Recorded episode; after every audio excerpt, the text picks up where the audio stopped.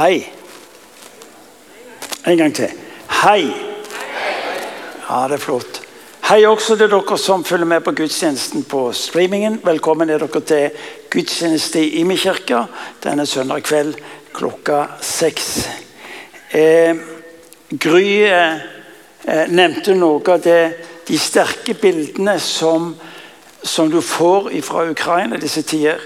Eh, og Samtidig så merker vi jo at det er ikke bare der borte det er noe som skjer. Det skjer jo noe i våre liv.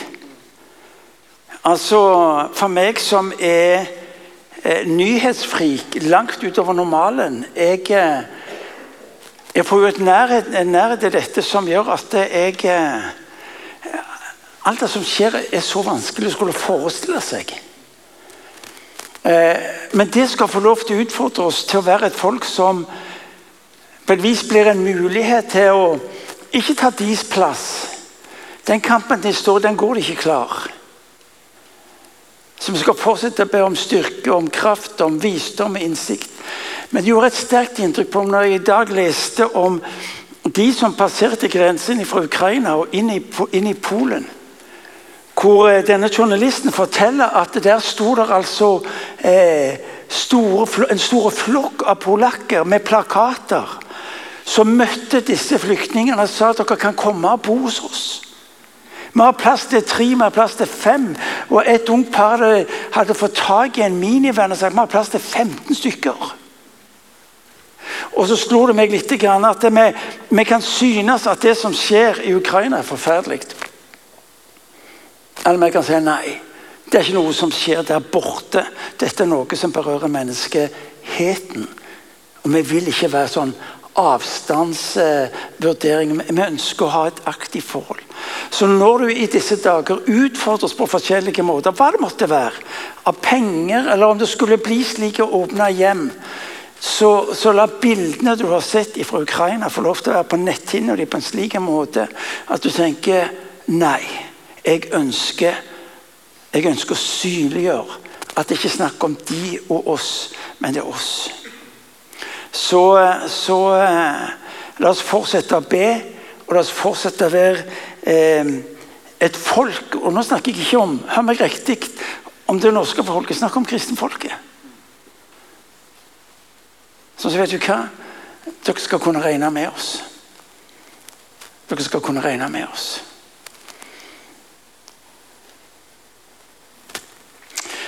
Eh, vi begynner i disse dager på en viktig tid i kirkas tradisjon. Hvor mange av dere har spist fastelavnsboller i dag? Litt høyere. Ikke vær på skjema nå. Ja. Hvor mange spiste mer enn ei? Hvor mange spiste mer enn tre? Kom an! Jeg sa det kona mi Denne dagen har vært rimelig full av mange ting. For ekteparet Cayman så sa jeg til henne vet du hva, jeg gleder meg til å komme hjem etter gudstjenesten i kveld. For da skal vi ha boller. Mange boller. Og Da sa fru Cayman det er greit. Jeg skal bare ha ei. Det holder for meg, og du kan ta resten. Så vi har foretatt fordelingen allerede. Eh, noe av det som er viktig med denne tida, fastelavnstida, fastetida, 40 dager i denne forberedelsen fram mot påske, det er hvordan kan vi forberede den? Eh, Kirka har hatt en tradisjon i, i hundrevis av år på hvordan forberede oss til, til det som skjer i påsken. Hvordan bli en medvandrer av Kristus i denne tida mot påske. Eh, slik at det ikke bare blir en telling og en historie utvendig, men det er en historie som får lov til å leves på nytt i mitt indre. Og så har altså Jostein Ørum, en dyktig forfatter, meget dyktig forfatter eh, Han skrev i, i fjor tror han kom ut 40 påskebetraktninger. 'De som så han'. Han har en utrolig vakker eh, eh, og involverende Vi elsker ordet 'inkluderende', men det betyr at du kan fremdeles være passiv. Men involverende i sine betraktninger av denne tida fram mot påske. Jeg leste den i fjor. Jeg anbefaler at du gjør det samme. Og du får mye hjelp til på en ny måte, og kanskje fornya måte, til å få tak i hva, hva er det som skjer i denne tida, og hva det vi tas imot. De som så han, eh, Av en eller annen grunn så bestilte vi bare 30 stykker. Så hvis du er rask etter gudstjenesten, men ikke før gudstjenesten er ferdig, så kan du kjøpe den ute i bokhandelen. Ta den med deg for din egen del, og eventuelt gi den til mennesker som du er glad i. Ja, ja, kanskje vel sier han at de du ikke er glad i. De som så han.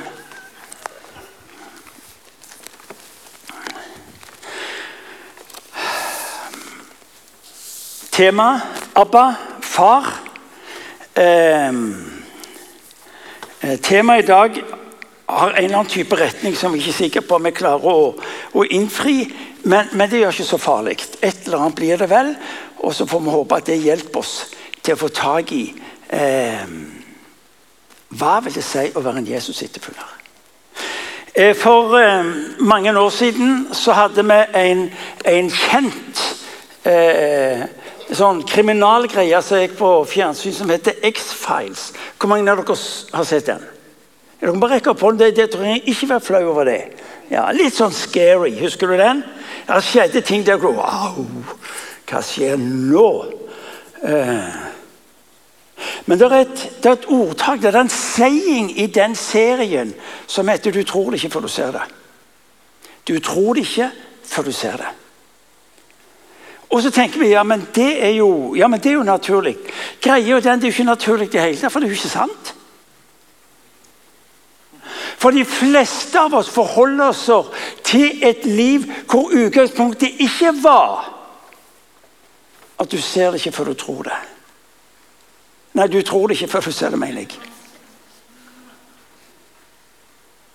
Fordi at en gang så var det noen mennesker som forsto at det er noe i denne verden som har en sånn karakter at hvis jeg våger meg inn i den verden, så vil jeg få øye på noe som er større enn det jeg selv og de rundt meg er klar over.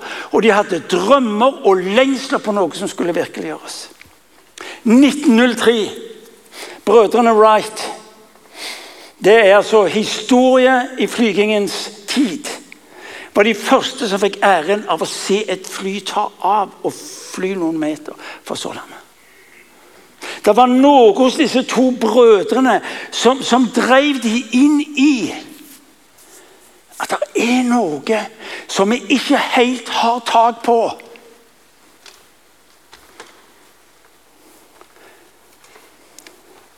Kan jeg få første bilde?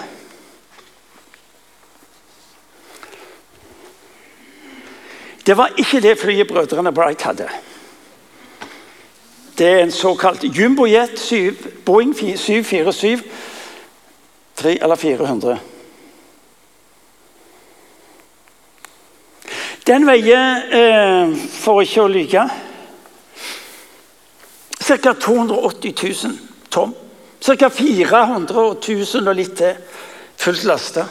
Den kan ta ca. 600 passasjerer. Ja, det sier deg ingenting. Men hvis du tar 300 Teslaer så er vekta av dette flyet 300 Teslaer S-modell. Hvis det høres ut som jeg har greie på det, så har jeg ikke det. Det har ikke vært mindre sant for det. Ja, Bare så mye du er klar over det. Og det interessante er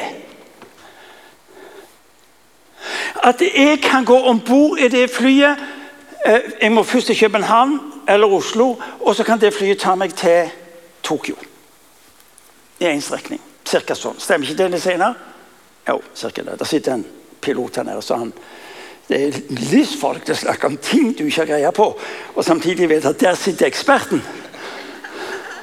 Men så lenge han ikke rister på hodet, så går dette her bra. Men poenget er poenget, hør nå, poenget er Dersom du aldri hadde sett et fly før, men var vel vant med at når du slapp ei kokosnøtt fra tre, så gikk den nedover, ikke oppover. Så hadde du en viss peiling på tyngdekraften. Det som du holder i hånda og slipper, vil normalt sett gå nedover hvis det ikke er en ballong fylt med helium. Den går oppover, Men normalen er det går nedover.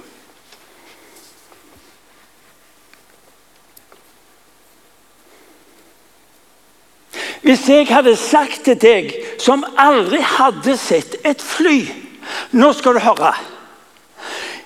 Det er et fly som er så svært Ja, hvor svært? Ca. 400 000 kilo. Fullt lasta. Ja, hva vil jeg si? Ca. 300 Tesla. Vekten av 300 Tesla. Og Der kan jeg gå om bord, sette meg ca. 600 andre mennesker til flyet kan tas på en flyreise som er 12-13 timer. Så ville du ha sett på meg og sagt at du er dum. Det går ikke an. Det er umulig. Selvsagt hadde du rett.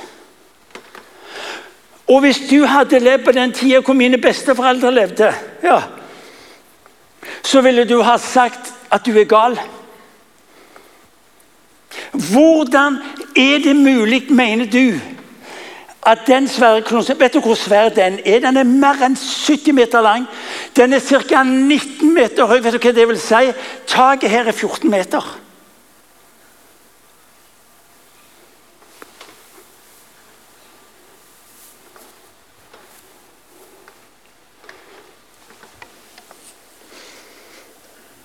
Hvordan er det mulig?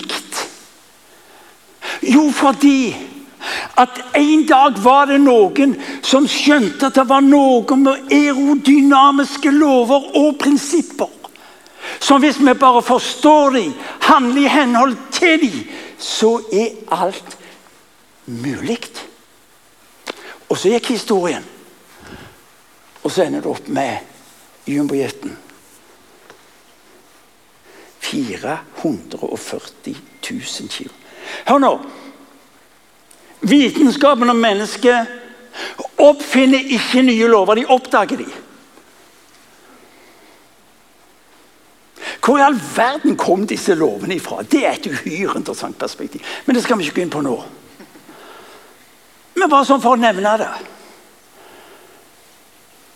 Hvor kommer de ifra? Vi setter oss i flyet. Jeg får neste bilde, for jeg syns det er fascinerende. Neste bilde er på vei, for vi er på vei til å ta av. Vet du hva? Når jeg ser det flyet der Det mest fascinerende tidspunktet det er akkurat der. Når 440 000 kilo med nesten 600 mennesker skal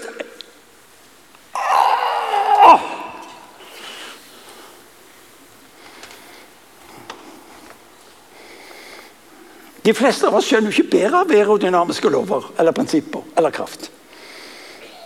Men vi har tillit til erfaringen. Vi har tillit til de rette folka. Derfor går vi om bord på flyet. Fordi vi sitter med historien. Vi sitter med erfaringen. Men utgangspunktet er vi vågte noe som vi egentlig ikke verken hadde greie på, eller hadde sett eller skjønt. En ting, Denne har dere vært med på før, men det er ikke så farlig. Gode ting kan vi egentlig gjenta. Eh, et eksperiment til, for det har litt med det jeg skal komme inn på litt senere. Hvis jeg ber dere om å være veldig stille, og så ber jeg dere om å høre godt etter og så spør du hva er det du hører. Ja, Bortsett fra viftene, da. Hva er det du hører? Så kan jeg si skjerp deg. Og så sier du Martin, jeg hører ingenting. Og så spør jeg deg ja, men hører du ikke all den vakre musikken som er her inne? Hører du ikke foredragene? Hører du ikke reportasjene? Hører du ikke lyden av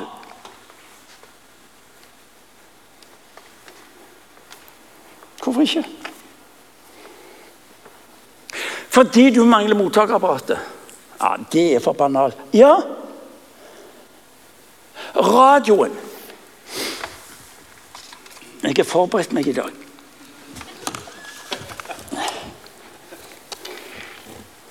Denne lille her Langt mindre intelligent enn både deg og meg. Men den har noe som du og meg mangler, nemlig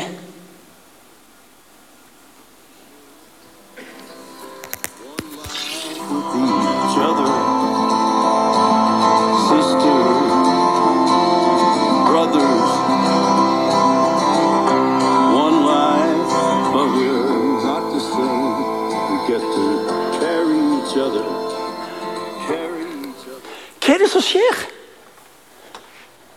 Det er noe her i dette rommet som kalles for radiobølger. Det er noen som har sendt et eller annet et sted herifra, og så er det noe som oppfatter det som er sendt.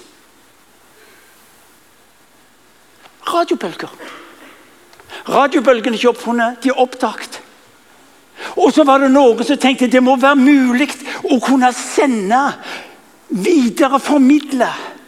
Og så begynte de på denne materien, og så oppdager de at det er noe som kalles for radiobølger.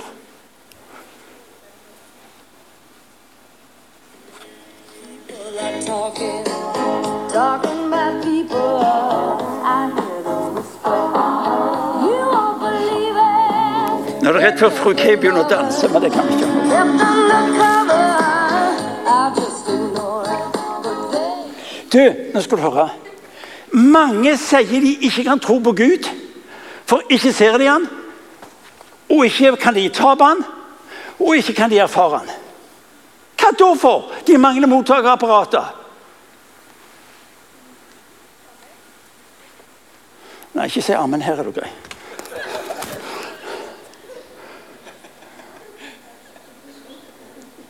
Det er det samme som å skulle si at jeg, jeg kan ikke fly. For jeg kan ikke gjøre noe med de aerodynamiske kreftene som er i denne verden. Eller jeg kan ikke høre det som er av det usynlige, fordi at jeg kan ikke ta på radiobølgene. Det er litt kult. Men selv om vi ikke forstår det, hva gjør vi?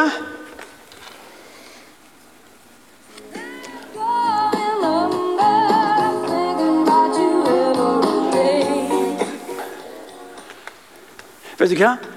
På alle områder i livet så må vi forholde oss til noe som vi egentlig ikke forstår, men som mennesker, erfaring, tradisjon har tatt oss inn i at dette funker.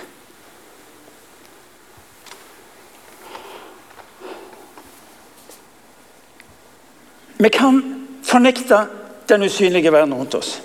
Vi kan si han, denne guden den finnes ikke. Mange sier det. Fordi de ikke ser, og jeg, jeg sa i formiddag Kan du tenke noe så idiotisk? Og som å si nei til noe jeg ikke forstår?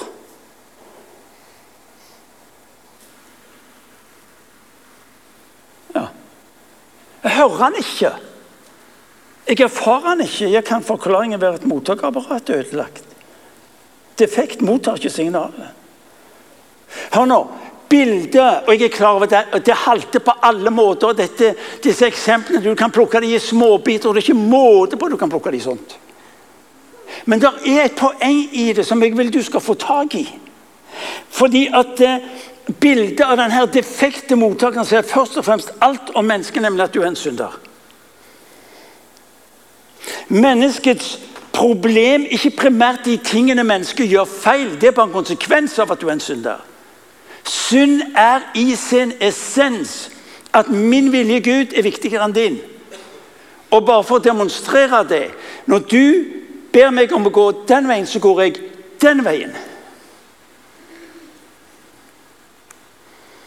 Hvis du, litt, hvis du lurer på om, om det er så alvorlig og så grovt, så er det bare å se på verden rundt oss som en demonstrasjon at mennesket har valgt å gå motsatt vei. Så når Bibelen er opptatt med å nå oss, så er ordet egentlig omvendelse. Omvendelse. Hans mål er på et vis å stoppe deg, så du forstår Så du forstår at han har ett ord til deg, og det er at jeg elsker deg. Når Bibelen sier 'omvend deg' Når hans Bibelen sier 'omvend deg', så er det fordi at du skal få erfare en Gud som sier 'jeg elsker deg'. Alt det andre vi hekter på denne kristentroen, er fortvila. Alle de grelle bilder som mennesker har fått av hva det vil si å være en Jesus etterfølger, er fortvila.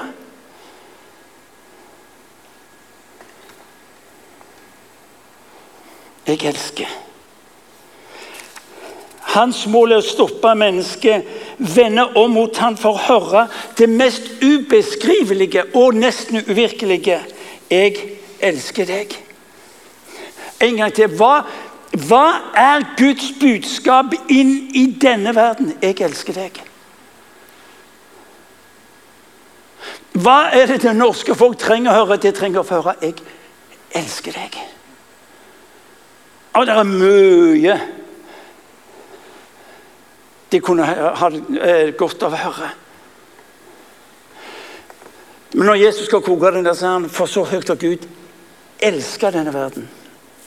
At han ga sin sønn for at hver den som tror på ham, ikke skal gå fortapt, men ha evig liv. Er du med? Igjen og igjen så slår det meg at av en eller annen grunn, og det har noe med Luthers tradisjon, så har man gjort eh, kristendom og kristen tro til et spørsmål om rettssalen.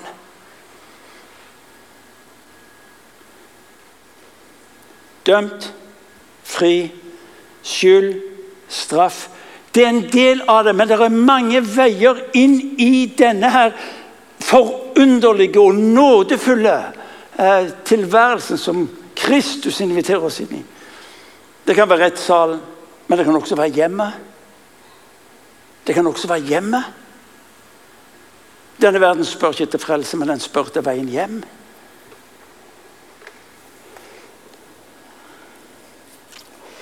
Dere har hørt meg spørre det før, og jeg undres. Det er derfor jeg stiller spørsmålet igjen. Hvorfor skulle Gud den allmektige bry seg om deg og meg? Hvorfor i all verden skulle han bry seg når han dør på korset, og samtidig vet at flertallet av menneskeheten vil vende ryggen til det jeg gjør, og det jeg gir? En som har sagt det slik at om ingen tok imot den frelse som Jesus vinner mennesket på korset, så vil han allikevel dø på korset. Fordi han kan ikke la være å elske. Han kan ikke la være å ta den straffen som mennesket skulle hatt. Han kan ikke la være. Det er så, det er så sjokkerende. Fordi han drives av kjærlighet. Fordi han drives av kjærlighet. Hvorfor korset? Jo, fordi den sier alt om menneskets fortapthet. Men også alt om Guds kjærlighet til deg og til meg. Hva er kristendom? Hva vil det si å være en kristen? Jo, kristendom er fellesskap med Gud.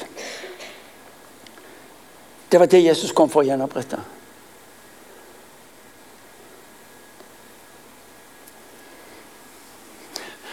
Det er jo så fascinerende, fordi at du, du, du finner det, og du følger det med, med, med hele Jesus sitt liv.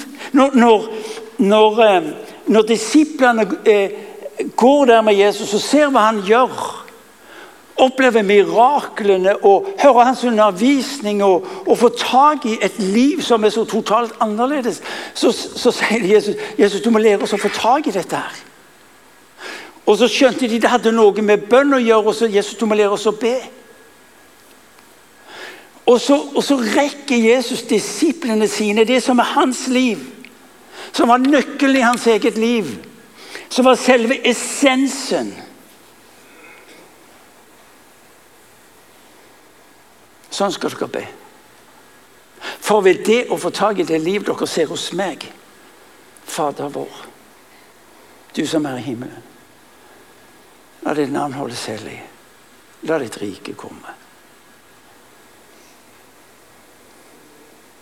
Om du glemmer alt annet, så la Fader vår bli din mulighet i denne tida.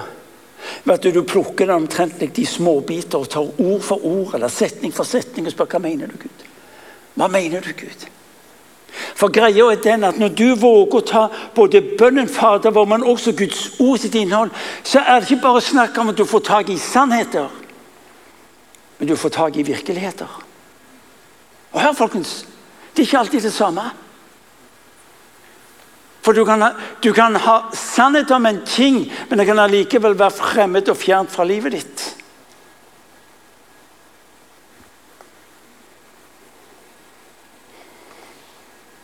Disiplene ville ha nøkkelen for Jesu liv, og han gir dem Fader vår. Fader vår.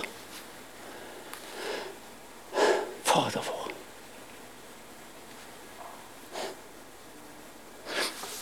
Nå, nå, du har bare si det før. Altså, Hvis jeg skulle skrevet en bønn som jeg trodde hadde dynamikk og momentum, så ville jeg ha formulert det litt annerledes. Min Gud, min allmektige Gud, hersker over himmel og jord. Skaperen av alle ting. Jeg mener, det er det smell på. Er du ikke med meg? Det er det smell på. Fader vår. Død mann. Kom an. Kanskje komme opp med noe litt bedre. Og kanskje er det nettopp fordi vi har mista det som egentlig var hele Jesu hensikt. For hvis du og meg ikke får tak i at han kom for å være vår far, får vi heller ikke tak i det som egentlig er essensen i Jesu frelsesverk.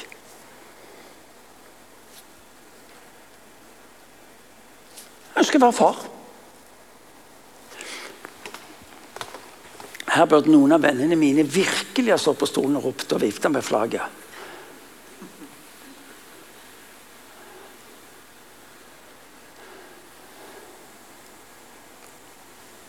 Han vil være far. Og hvorfor vil han være far? For ved det blir du og meg hans sønner og døtre. Og ved det gis du identitet til å være det mennesket du var skapt til å være. Han kom da ikke til denne verden for å dø på et kors fordi at han skulle få en hel masse tilhengere for den rette læren. Han kom til denne verden for å samle Hvor ofte ville ikke, sa han til Jerusalem, hvor ofte ville ikke samle dere som hønemor samler ungene sine? Kyllingene sine. I Johannes evangeliet så, så nevner han kapittel 14, så, så er ordet far nevnt 16 ganger. Det er som om det er sånn en maktpåliggende å få sagt at Gud er vår far.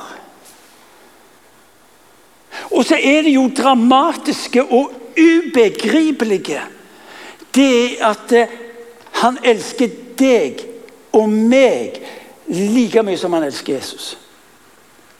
Markus evangeliet så står det at når Jesus blir døpt i Jordan, kommer opp av vannet, så kommer Guds ånd over ham som en due, og så lyder ordene dette er min sønn, den elskede i hvem jeg har velbehag. Før han hadde gjort noen ting som helst. Sønn. Sønn. Du er min sønn.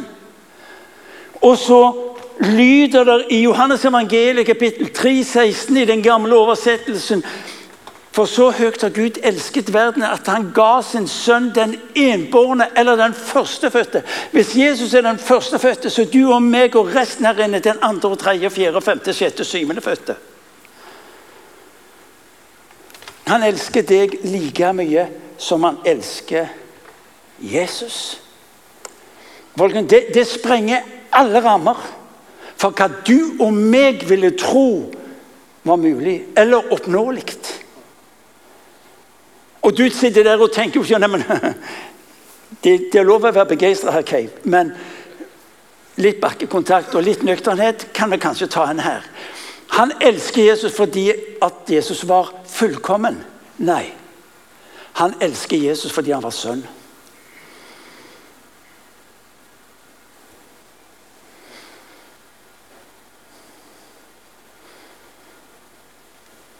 Da skjønner du Bibelens fokus er opptatt med at menigheten er primært Guds familie.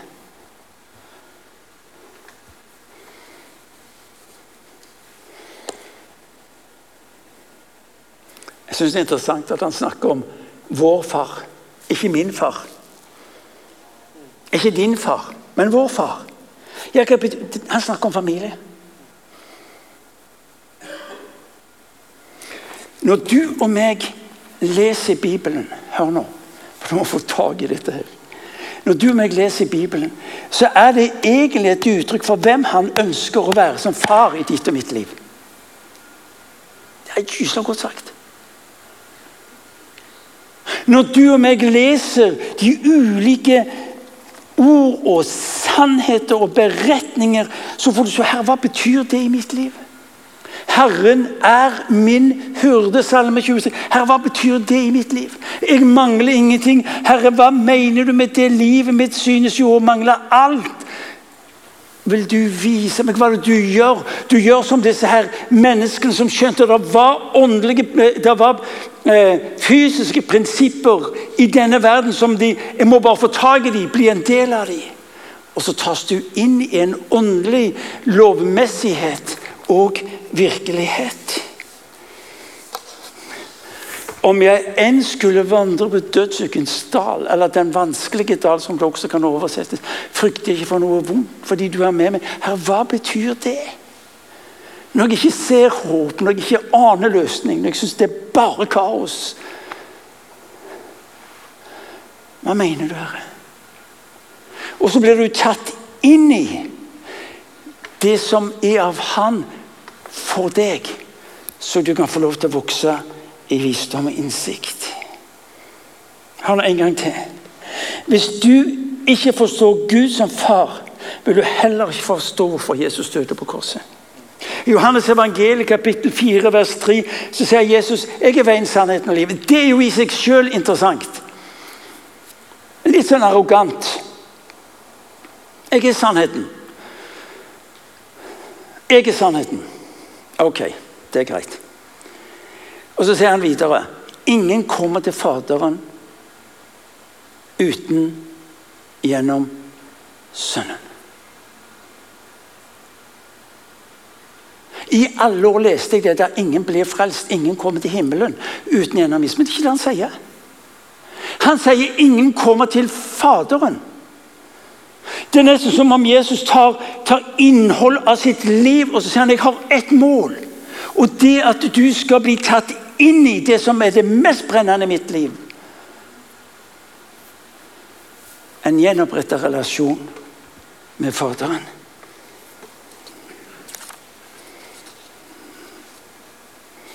Forskjellen på kristendom og de andre religionene. Jesu mål var å gjenopprette relasjonen med far. Lukas evangeliet kapittel 15, denne ubeskrivelig vakre historien om denne sønnen som starta rett. Han var riktignok ikke døpt, men han var omskåren. Som fikk utlevert arven altfor tidlig, og så bare rota han det vekk. Og så aner jeg at faren må ha visst et eller annet. For det står at mens sønnen ennå var langt borte, står det, så faren hans. Så faren han. Husker jeg beretningen fra en far som eh, på graduation i USA, og det er stor fest, og alle står foran eh, hovedinngangen, og de skal lese opp. Og så er det noen som skal på graduation, og så oppdager de at en far står på, på baksida. Og så blir han spurt ja, men hvorfor står du her. Det er ikke her de studentene Nei, sa han, jeg vet det. Men hvis han har bestått, så blir han en del av en fest på framsida. Hvis han har strøket, så skal han vite at jeg står på baksida og møter han. Det er den faren som du og meg får tro på, tilbe og være sammen med.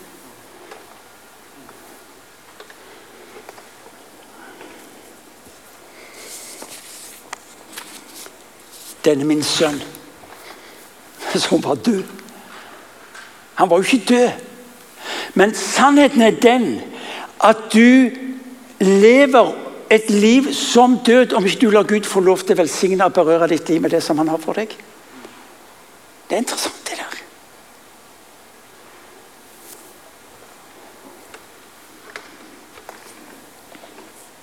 Ja, Vi må gå litt Et par-tre ord til. La ditt navn holdes hellig. Eller 'Hallow be thy name', sier de på framlandsk. Eh, la ditt navn holdes hellig. Det, det var for meg i mange år ei plage. For hvordan i all verden skulle vel jeg, Martin Kay, med alt det som bobler seg av jeg vet ikke hva Hvordan skal jeg kunne klare å holde hans navn hellig? Hvis dere har gode tips, kan vi ta en prat utpå etterpå. Jeg skjønte ja, men hør nå Martin, det handler jo ikke om deg. Vi har gjort et, eh, Etterfølgelsen av Jesus Kristus et spørsmål om hva vi får til. Men spørsmålet er jo egentlig ikke hva du får til, men hva det du tar imot. Og så lyder det i denne her eh, parafraseringen av, av eh, Romerbrevet kapittel 12 Dere vet jeg har sitert så mange ganger fordi det er fenomenalt. Embrace what God is giving you. That's the best thing you can do for him. Omfavn det Gud gir deg. Det er det beste du kan gjøre for ham. Ja, nå, Vi må fortelle denne verden om alt de skal slutte å gjøre. Og hjelpe dem til å forstå hva de skal ta imot. La ditt navn holdes hellig. I'm out. Jeg vet ikke hvordan jeg skal gjøre det, jeg får det ikke til. Men hvis du forteller meg at jeg holder ditt navn hellig ved å omfavne det du gir meg, ja, da er jeg med. Da er jeg med.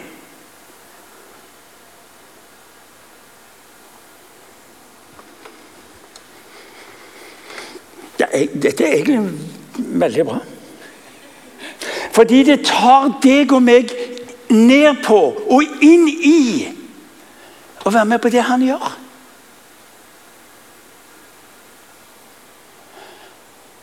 Ja, det, er det det betyr. Hva er det Nils Einar gjør, piloten? Han vet at når han bare følger lovene, de aerodynamiske lover, så går alt bra. Ikke sant Nils Einar? Ja.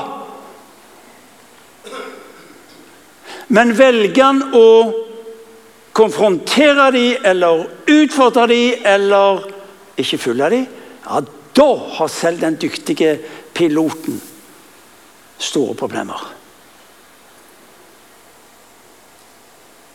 Vær med på, handle i henhold til. Hvordan connecte med far. Vær med på det han gjør. Vær med på det han gjør.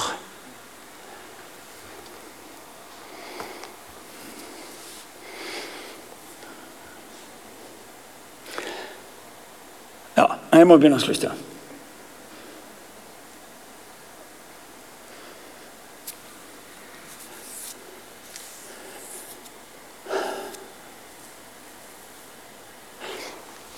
I beretningen om den bortkomne sønnen i Lukas evangeliet kapittel 15 så sier han jeg vil gå hjem og så vil jeg spørre far om jeg kan få lov til å være tjener.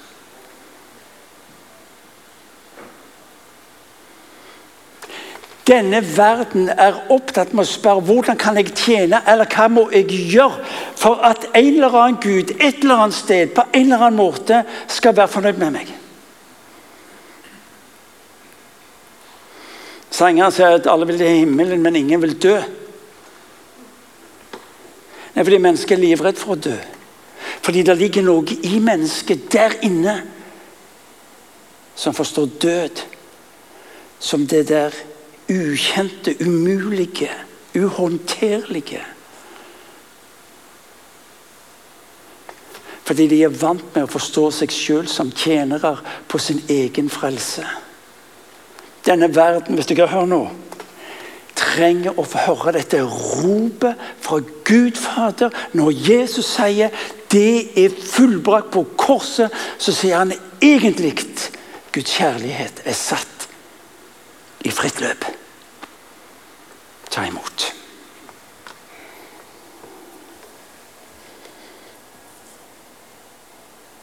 Kirka er kalt å være han i denne verden. Hvordan ser det ut? Det viktigste i ditt liv er ikke hva du kan eller forstår, men hvem du er sammen med. Disiplene så Jesu liv og forsto hva som var nøkkelen i hans liv, nemlig farsrelasjonen. I hans nærvær vil du bli det han har skapt deg til å være i denne verden. Så Husker du radiobølgene? Husker du de aerodynamiske prinsipper?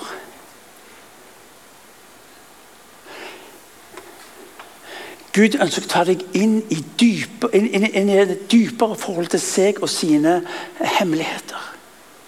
Men da må du også våge å utfordre.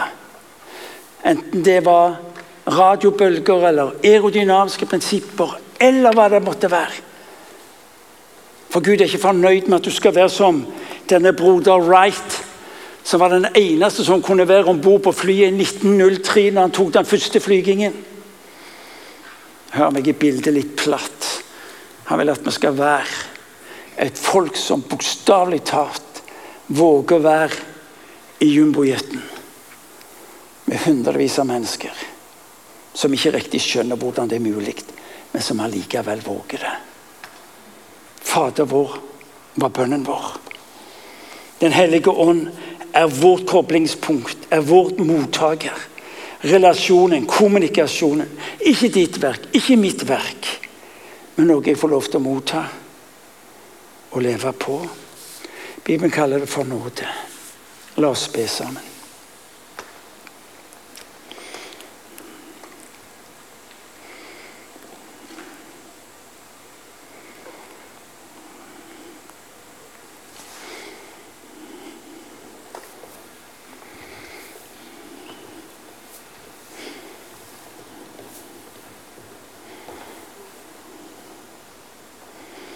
Jeg tror at denne tida vi nå går inn i, også er en tid hvor Gud ønsker å både ta fra oss ting Ting som hindrer oss i å se hvem han er og hvem han vil være i våre liv. Men han ønsker også at det skal være en tid hvor han får ikle oss og gi oss nye tanker og nye syner for hvem han er og hvem han vil være i ditt og mitt liv.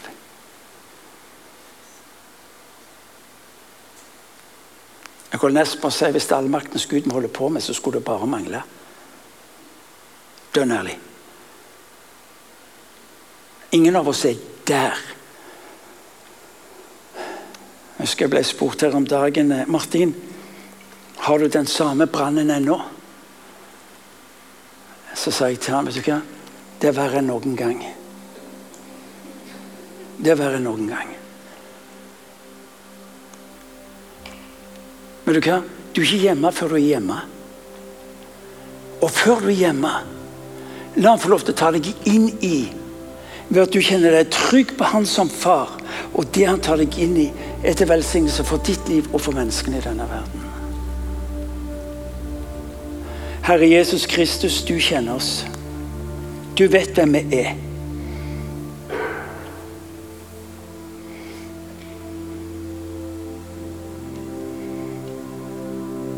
Far, vil du gi oss å se som du ser, handle som du handler.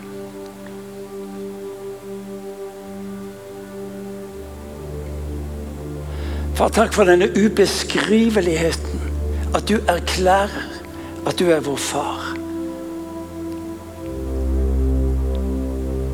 Og når vi roter det til eller ikke ser klart og gjør dumme ting, så forandrer ikke du din mening.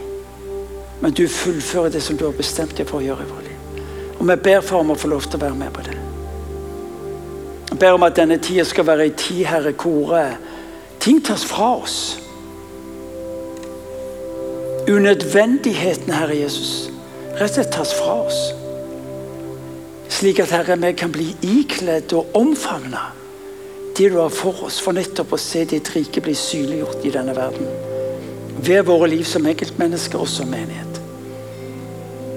Herre Jesus Kristus, vi tilber deg. Opphøye ditt navn. Takk for din ubegripelige nåde. Amen.